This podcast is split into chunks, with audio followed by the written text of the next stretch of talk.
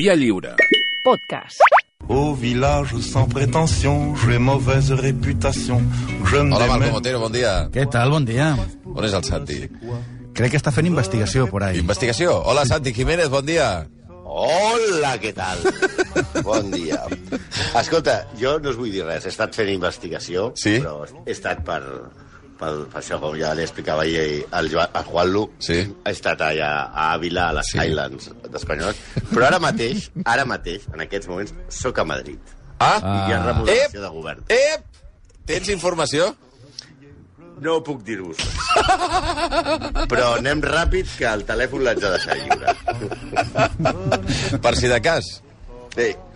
Hi ha algun El ministeri... de Defe... Només et dic que Ministeri de Defensa em faria molta il·lusió. I a mi, i a mi veure't allà ma- man- Hombre. mandando firmes al Bueno. personal. Hombre. Quan tinguis l'alineació truca, eh?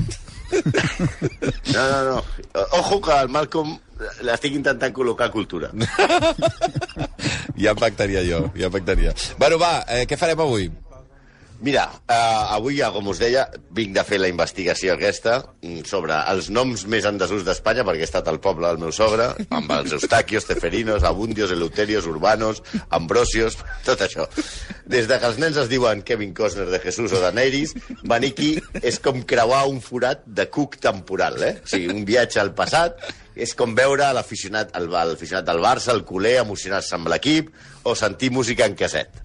Pels de l'ESO. La música en caset és una música que sonava amb unes capsetes de plàstic, amb unes cintes de crom, que tenien música i calia enrotllar-les amb un llapis. I que ja tornen. I, Tornen? I tot, Eh, tot, tot, eh, tot tot, torna, torna, tot, tot torna, tot torna. Ah, avui alguns pensaven que faríem a Rafael a Carràs. Sí, senyor. Però no. Porto... No. A veure, jo no he vist el clam d'altres ocasions, però sí que he No. vist algun missatge i he pensat, sou terribles, la gent. Eh, no, hi havia molta por de que la féssim. Ahà. Ja tranquil·litzem. Adorem a la Carràs. Vale. Sí, sí, sí. sí. I si avui Mira. farem... Eh, Hi ha un missatge que acaba d'arribar de la Verònica que diu si no es fa Sinatra, no es toca Rafael Acarrà. Estem amb tu, estem amb tu. I esteu d'acord? Bueno, eh, sa- salvant certes, certes, certes diferències... Bueno, Però vale, vale. Li, li, li, acceptarem, li acceptarem a les categories. Va, vinga, va. bueno, avui farem un altre viatge en el temps. Parlarem del temps en els que les notícies parlaven de virus informàtics perillosíssims i que tenien noms com I Love You o Michelangelo. Hòstia, I love you. I un, I un home que va ser el pioner en lluitar contra aquests petits i nocius programes informàtics. Un visionari, sens dubte, que va aconseguir que el seu antivirus tingués una quota de mercat del 67%, que és una veritable salvatjada. Tots els que fèiem servir ordinadors als anys 90 van veure el seu nom en alguna ocasió. Un gurú de la informàtica, és a dir, un idiota, que va fer del món una mica més segur i que també va ser, es va arribar a presentar candidat de president dels Estats Units. Un magnat amb més pasta que un torero, però també paranoic, sàtir, violent, violador, possiblement un assassí i un dels tipus més perillosos que els seus virus. Eh, a més a més, és notícia perquè es va suïcidar no fa massa a la presó de Briat. Avui desinstal·larem a joc David McAfee, més conegut com McAfee o simplement el tio gay de l'antivirus.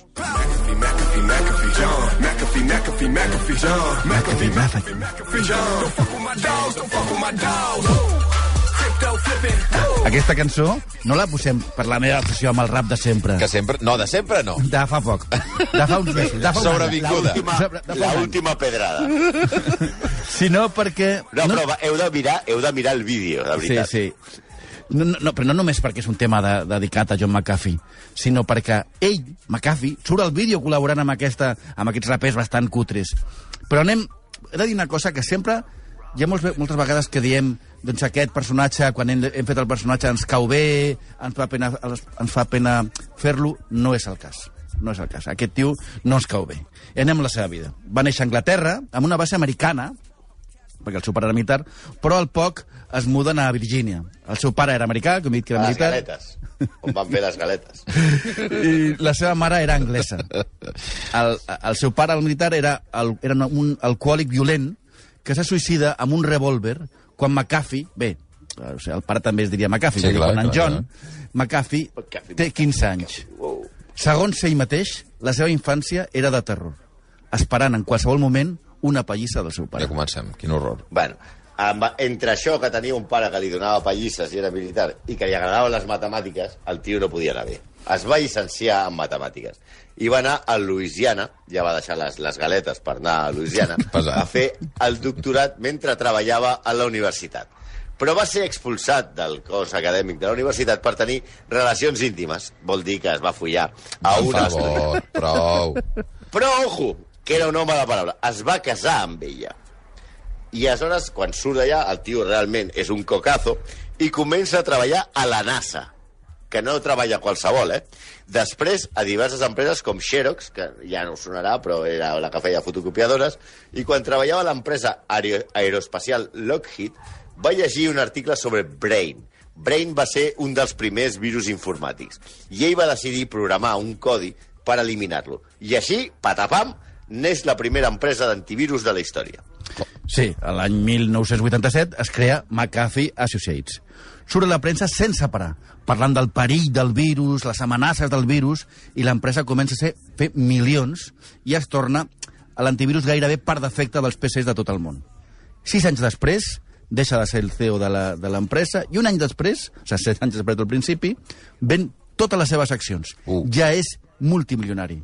Però com era ell com a empresari? pues no era com el Rubius. Tenia més diners. doncs no era el típic empresari de matar de pera, amb corbata, que va jugar a golf i tot això. No, no.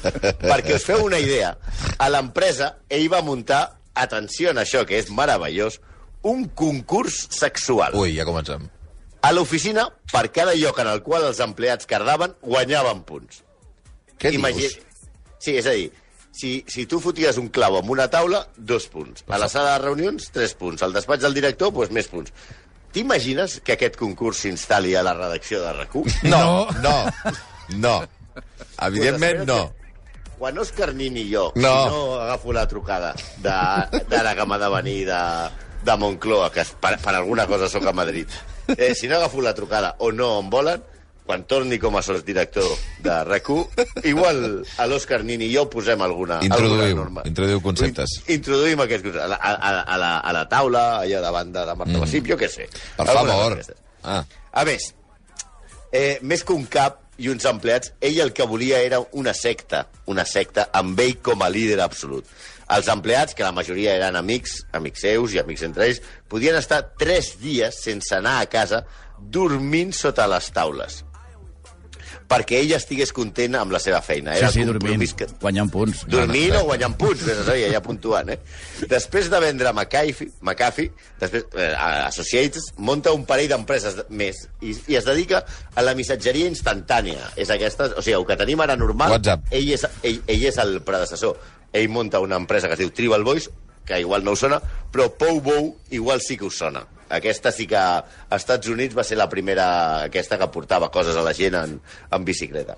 I entra a la direcció d'alguna gran empresa de seguretat informàtica com a conseller, cobrant un paston només per anar a les reunions. Tots els seus companys, i sobretot empleats, parlen d'una característica principal del nostre home. Era molt, molt, molt paranoic.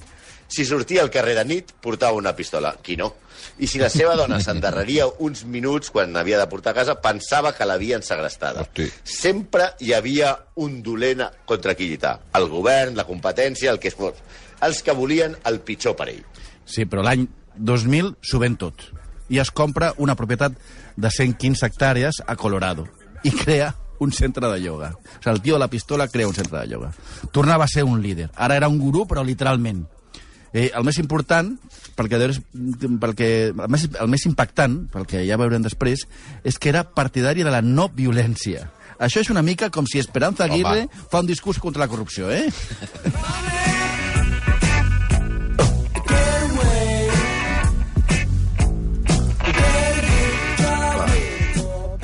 Estem parlant d'un tipus escarosament milionari i que ja s'ho ha venut tot i que, i que abans d'arribar als 40 anys el tio ja, ja té pasta per avorrir-se i pagar totes les seves accions. Però, per cert, un parèntesis que m'arriben ai, whatsapps ai, ai, ai, ai.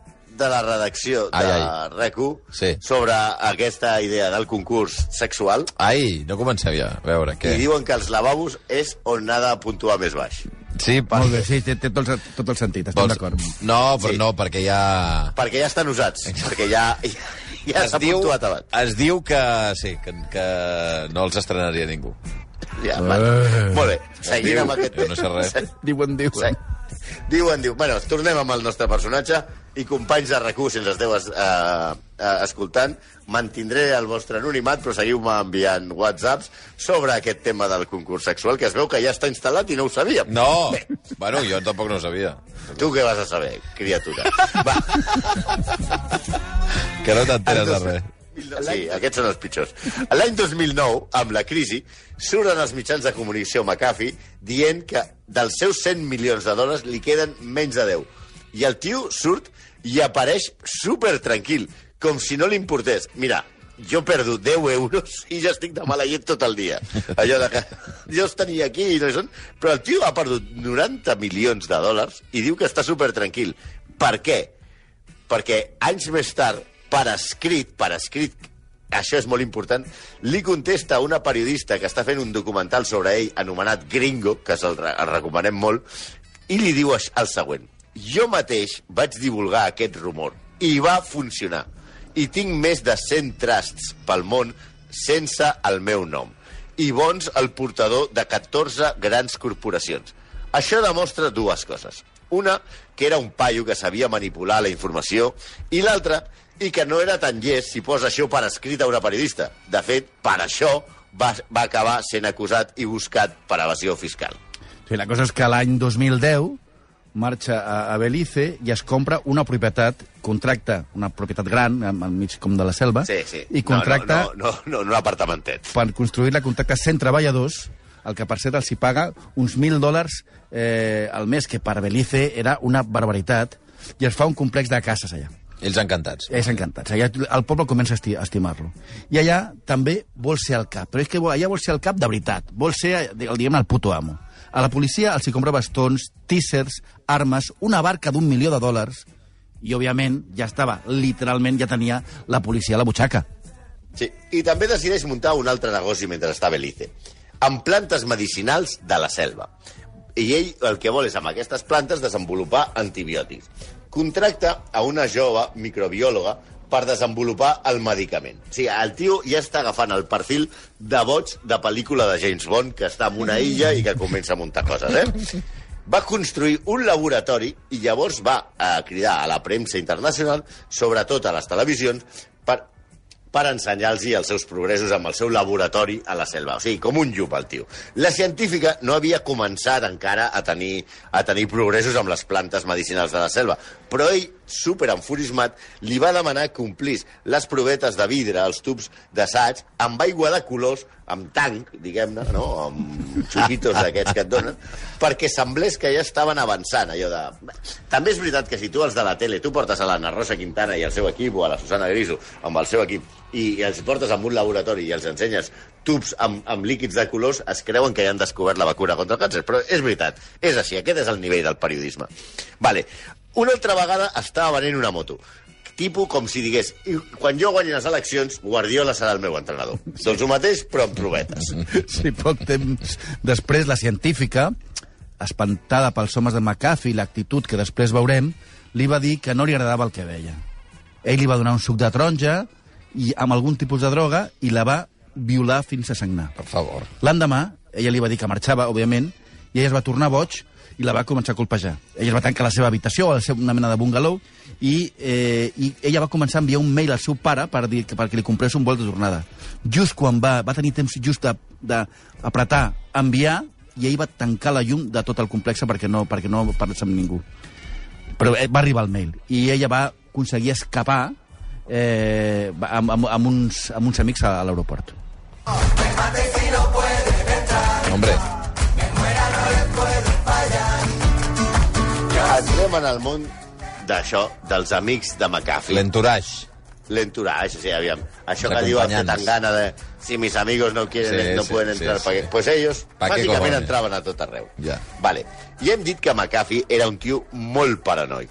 es va inventar que l'havien intentat segrestar 11 vegades. Cosa que, de veritat, si l'han intentat segrestar 11 vegades i no han aconseguit mai, vaya merda de segrestadors que eren. Aleshores, per protegir-se, va reclutar el millor de cada casa. Per exemple, un personatge que es deia Tino Allen, res a veure amb Woody Allen. Un tipus que havia estat 22 cops a la presó i que era, clar, òbviament, un delinqüent que d'aquests que fa por fins i tot quan dorm, si és que arriba a dormir algun dia. Va escollir també el més perillós de Carmelita, la població més propera on ell tenia la plantació, que ell, i era molt perillosa, per, perquè formés el seu seguici de guardaespatlles. Els va dotar els va armar com si poguessin envair un país mitjà. O sigui, tísers, armes, eh, Kalashnikov... Els vesteix amb roba de camuflatge i anaven sempre acompanyant-lo. Per certs carrers patrullaven a les 11 de la nit per comprovar que no hi havia ningú perquè ell havia decretat pels seus collons un toc de queda. Era l'amo de la vila. Però encara volia més, sí? Per estar segur necessitava que la gent li tingués por. En una ocasió va acusar un innocent, un innocent que era un, un, un delinqüentet que hi havia por ahí, que es deia David Middleton, d'haver entrat a No casa és el seva... que va jugar al Balbi Girona. No, entrar- Darryl no, David. David. d'haver- d'entrar a casa seva i de robar. Els homes de McAfee el van anar a buscar amb una furgoneta, el van portar al bosc, allà el van colpejar, li van tallar trossets de la carn amb un ganivet de carnisser, li van donar descàrregues de malstisses a la musclera i McAfee estava present. El van deixar al mig de la, de la vila plena de gent. Middleton va demanar com va poder un, ajuda i el van portar a un hospital on va caure en coma i al poc va morir. Sí, ella havia arribat aquí com a cacique. Ara seria el típic tio que a, al, a l'equip A arribaria al poble i el derrotaria. Saps? saps? Vull dir, s'havia convertit en el cacic del poble. Clar, eh, eh, era un tipus amb un petit exèrcit, amb un laboratori a la selva, i només faltava que arribés M.A. Barracos i ho trenqués tot. De seguida, a, amb totes aquestes activitats, va atraure l'atenció de la policia de la policia de Belize contra, i de la policia americana contra les bandes organitzades. I les forces especials el van arribar a tenir pensant que, òbviament, un laboratori a la selva que es dedica a, a, a fer eh, flores de Bach, no, que estan fent droga. Però no, no era droga, i el van haver de deixar anar. Però ell va abandonar aquesta casa i va anar a viure, aleshores va canviar de lloc i es va anar a viure a la illa de Sant Peter, Sant Pere. Allà és una illa superturística per milionaris americans. Però clar, tu arribes allà amb tota la banda aquesta, amb el Tino Allen i amb l'altre i amb tots els, amb els soldats, i què fas? Home, crides una mica l'atenció. Sí, sortia a la platja amb els seus homes armat i amb gossos a, a, agressius sense lligar. Òbviament, això no agradava als veïns, aquests tios que anaven allà, aquests delinqüents, i o sigui, aguantar el nen en la piloteta, l'olor a crema sonar, la calor, la venda ambulant, els crits... Bueno, és Ah, desesperant. el reggaeton, el, el reggaeton, reggaeton, tal. Però ha homes armats amb fusells i gossos agressius. Home. Això, home, fins i tot pitjor Home. que Benidorm. Sí, Especialment molestava a un dels veïns, que era el constructor americà Greg Fowl. Greg va anar a dir-li a McAfee que llegués els gossos, que espantaven els veïns i, a més, era dolent pel turisme, etc. McAfee li va dir, molt majete, que sortís de la seva propietat o dispararia. I Greg, presumptament, Diplomàcia, eh? diplomàcia, que també era un tio en caràcter, va enverinar els gossos. Hosti. A veure, un paio amb delinqüents, una entoresa de delinqüents, amb armes llargues, i mates els seus gossos, què pot sortir malament? Yeah. I què va fer McAfee? Va anar a la policia a denunciar, va matar els gossos. Va votar el PACMA, va, va, va queixar-se. No. El matí següent, curiosament, Greg va aparèixer mort a casa seva. No li havien robat res i tenia dese- desenes de marques de, de, de tísers i un tret al cap. Un dels seus sicaris, del McAfee, havia fet la feina. I segons es deixa entreveure el documental Gringo, McAfee li va pagar 5.000 dòlars per la tasca bruta. En tot cas, sí que estic molt a favor de que el que mata gossos tingui una mort molt cruent. Sí. Però això no vol dir que estigui a favor de McAfee, eh? M- McAfee escapa a Guatemala amb una barca, entra il·legalment, i viu a l'anomenat un temps fins que comet, bueno, fins que hi ha un error garrafal que és bastant paradoxal per un geni de la tecnologia. Dona una entrevista a la revista Vice, la revista publica la foto a internet, No. i la foto conté la geolocalització, això de les metadades, Oh, oh, la qual oh, cosa oh. tothom descobreix on és. On és exactament? El detenen, i clar, com podien extradir-lo eh, abans de que el seu advocat fes un recurs davant del jutjat perquè era diumenge i necessitava unes hores, ell, no, no, vull dir, en aquest, en aquest període de temps el podien extraditar. Aleshores ell estava molt molt preocupat i molt preocupat i va simular un atac de cor fins que va saber que el recurs havia estat presentat. Per, per telèfon li van dir, ja està presentat. Ah, ja em trobo bé. Ja, no, ja, ja el pit no em fa malament. És com aquell eh, que era el davanter d'Itàlia, era? Eh, el que estava allà a terra i en el moment Sí, del gol s'aixeca i diu, ai... Ja no em fa mal. eh, a Ja no em fa celebrar. mal. Era immòbil? D'acord, era immòbil. Sí, es va quedar immòbil. I aleshores, eh, eh, al final, bueno, al final eh, no, el van, no, no, el van, no, no el van extradir a Belize, però el van enviar a Estats Units, que és el que ell volia, on va quedar en llibertat. Al cap i a la fi, allà era una estrella. Tan estrella que va decidir presentar-se candidat als Estats Units. Primer opta per un partit nou, Sí. un Cyber Party, però després decideix presentar-se a les primàries del Partit Llibertari. Queda segon per molt poc, per això, no, no va ser president dels Estats Units en aquella ocasió, perquè en aquelles eleccions va guanyar Donald Trump. Era un any de bona collita, eh? Sí. Demasiadas mujeres, Hombre, demasiadas mujeres, demasiadas mujeres, l'altre cop va tancar, no? demasiadas mujeres. Sí, és, és l'única vegada que crec que hem posat dos temes del mateix artista o del mateix concert. Però és que ens va perfecte lo de demasiadas mujeres, perquè McAfee és un violador. Ja hem vist que era un violador, va violar a la microbiòloga. Però quina era la seva relació amb la resta de les dones, us preguntareu. Mira, es va casar tres vegades. Una amb l'estudiant aquesta que es va patar a, en el, a, quan ell era doctorant, una altra es, es va casar amb una senyora just quan va començar a fer-se ric, i una tercera es casa amb Janice Dyson, una prostituta amb la qual va estar la primera nit als Estats Units ju, just arribar extradit de Guatemala. Però això no és res. Cal tenir en compte que ell mateix va dir fa 3 anys que tenia 47 fills biològics. No sabem si exagerava, però com per barallar-se amb amb per l'herència, eh? Sí, sí, però això no és el pitjor, eh? A Belize, McAfee tenia literalment un harem. Noies molt joves, segons ell mateix, eren edat de consentiment, no sé quina edat de consentiment a Belize, Sí, però molt... eren molt pobres. i molt, molt pobres. A mi vivien sempre com a mínim cinc, totes creien ser la favorita. Eh, un dels seus homes diu que en el documental que arriba, li arriba a aconseguir entre 35 i 40 dones en total. El més desagradable és que les tres noies que surten al documental Això és molt asquerós. que parlen de scat sex. Això d'escat a algú li, li sonarà. Elles s'asseien en una maca, amb un forat, i feien caca a la boca de Bueno, McAfee. escolta, prou. Ja no, era, ja no és Eh, McAfee, ara és. Macacafi. Va, prou, Perquè cafi. Suposo que de, quan que ella deia shit. prou.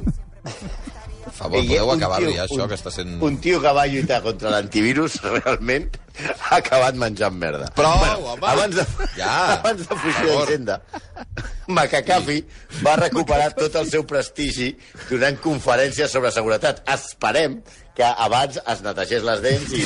Prou! Col·lutori, Fins perquè l'olor que podia eh? sortir d'aquest... de- Bueno, és igual. Bueno, ell va fer moltes conferències contra les aplicacions i els smartphones, dient que era que el món ens, ens perseguia i tot això. I tornaria, i ell pensava que tornaria a ser el rei dels mitjans. També va dir moltes ximpleries. Va dir, que, va, va dir a les xarxes que el van detenir a Noruega només per haver portat un tanga com a mascareta quan anava a una mena de Mobile World Congress d'allà de Noruega. El que passa és que a les fotos que documenten la seva detenció, la paraula policia dels uniformes està en alemany. És a dir, el detenen a Noruega. Vaja. Òbviament, s'ho havia inventat un altre cop. Mira, seria un home graciós i escarós si no fos un gran fill de puta sense fissures. Avui John McAfee convertit... No, John. McAfee convertit en uh, il·lustre execrable. Santi, que vagi molt bé per allà, eh? Ja ens eh, diràs si sona el telèfon. Eh, bueno, no sé si us tornaré a agafar mai més el telèfon, però sí. Escolta'm, fes el favor, eh? Los amigos son para siempre. Un, un WhatsApp de comiat, algú. Ve, ve una ambulància. Eh, Però, mira, venen a buscar? Ja, ja ve el motorista. Ja no és una ambulància, no. és la policia armada. cotxe oficial. Ja tinc, ja, ja tinc cotxe oficial. Hòstia. Apa, adiós, Santi, que vagi bé. Ens Adéu, veurem a les notícies. amics.